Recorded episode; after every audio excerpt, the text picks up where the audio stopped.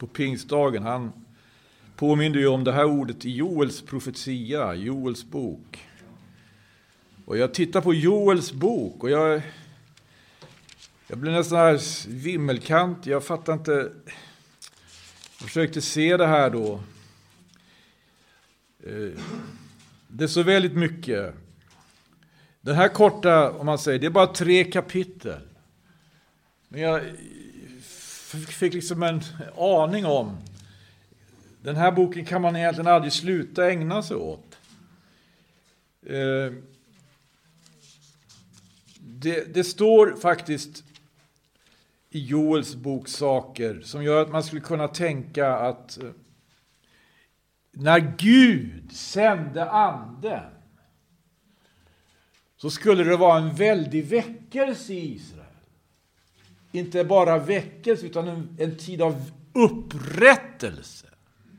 Därför det är den bild som tecknas om vi ser sammanhanget i Joels bok. Det står nämligen om templet och prästerna och altaret och det här att gudstjänsten upprättas, att prästerna och hela folket omvänder sig till Gud och ropar till Gud. Och det vet vi att när, när händelsen ägde rum, då Jesus kom, så var det faktiskt verkligen inte på det viset.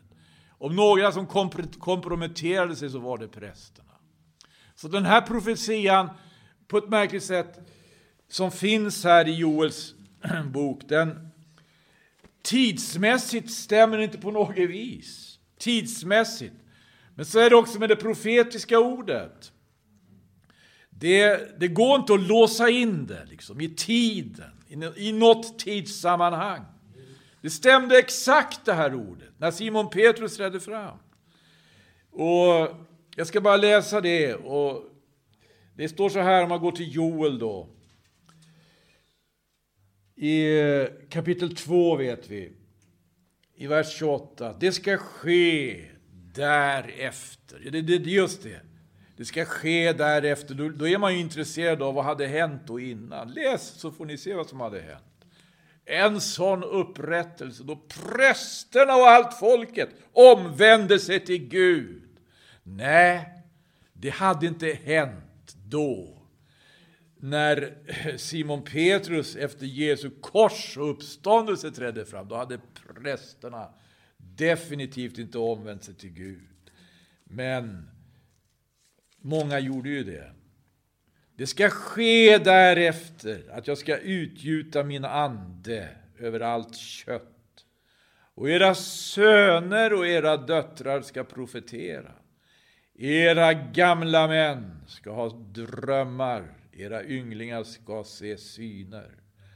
Också över dem som är tjänare och tjänarinnor ska jag i de dagarna utgjuta min ande och jag ska låta tecken synas på himmelen och på jorden.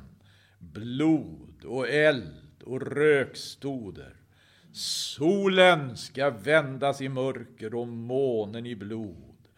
Förrän Herrens dag kommer, den stora och fruktansvärda. När Petrus predikar så säger han den stora och underbara. Men det ska ske, ja, att var och en som åkallar Herrens namn, han ska bli frälst. Ty på Sions berg och Jerusalem ska finnas en räddad skara, så som Herren har sagt. Och till de undsluppna ska höra det som Herren kallar. Det handlar om anden. Nu ska vi gå till Galaterbrevet. Det står om anden där också. Och att det går inte att låsa in det här med anden i något så att säga tidsmönster eller tra, något traditionellt mönster som människor förälskar sig i. Utan Galaterbrevets tredje kapitel så, så, så, så börjar ju det på det här sättet. Och det är ganska märkligt ord det här. Eh, I Galaterbrevets tredje kapitel från början. Ni oförståndige galater, vem har så dårat er, ni som dock har fått Jesus Kristus målad för era ögon, såsom korsfäst?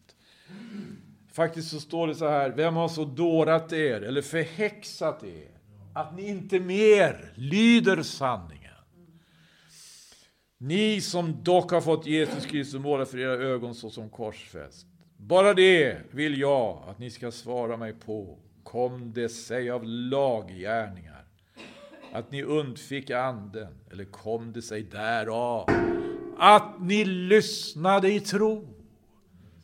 Tänk vad man kan fastna i, tänk vad man kan haka upp sig på. Är ni så oförståndiga, ni som har begynt i anden, vill ni nu sluta i köttet? Har ni då upplevt så mycket förgäves, om det nu verkligen har varit förgäves? Alltså, att han som förlänade er anden och utförde kraftgärningar ibland er, gjorde detta, kom det sig av laggärningar, eller kom det sig därav att ni lyssnade i tro, i enlighet med det ordet. Abraham trodde Gud, och det räknades honom till rättfärdighet. I enlighet med, med det ordet. Men det är också mycket märkligt här. Det är sant. Det, det, det, det var det Abraham gjorde. Abraham gjorde det. Han trodde Gud. Och det tillräknades, eller som det också kan översättas, tilltänktes honom till rättfärdighet. När Gud tänker, då vet vi, då är det mäktiga tankar han tänker. Han tilltänkte Abraham rättfärdig, men han sa inte ett ord om anden till Abraham. Det sa han inte. Det han gav löften om, det var, det var alltså en talrik avkomma. Det var territorier. Och det var välsignelse. Men i det här med välsignelsen så finns ju anden. Amen. Och just det här, bara några, ett par exempel på hur anden är så fri och obunden av det vi människor kanske vill få, fånga in anden i. Eh, och hela Galaterbrevet för övrigt, som jag sa tidigare då, det är, det är väl, väldigt mycket ett, eh, ska vi säga, han visar på vad församlingen kan möta för olika former av motstånd. Förföljelse, verkligen förföljelse.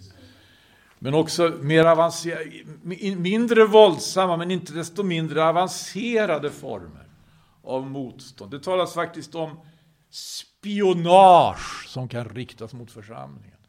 Det talas om eh, här om trolleri eller häx, alltså för, det, det, var, det var ett sätt att få dem att släppa fokus, det de verkligen borde vara uppmärksamma på.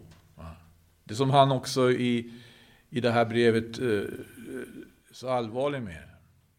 Att eh, icke berömma sig av något annat än av vår, Herres, än av vår Herre Jesus Kristus och honom såsom korsfäst. Och att Guds ande får makt med oss i denna tid. Att Guds ande får makt med oss, halleluja. Att Kristi ord rikligen kan bo ibland oss. Och att vi kan vara utrustade och möta den tid. Ett bönämne. Vi fortsätter bedja hörni, genom de här bönedagarna vi har nu. Lyfta fram olika angelägenheter och öppna för Guds ande. Amen. Herre, vi prisar dig. Herre, vi lovar dig. Herre, vi beder dig, Herre. Tack för att vi kan vara församlade, Herre. Halleluja, Herre. Och du ser inte till hur många det är, Gud. Du ser till hjärtat. Finns det bara ett eller två eller tre hjärtan som är disponibla för dig? Åh, halleluja, då är du där, pris Gud. Du är här, vi tackar dig, vi prisar dig. Amen. Herre Jesus, äran tillhör dig. Amen.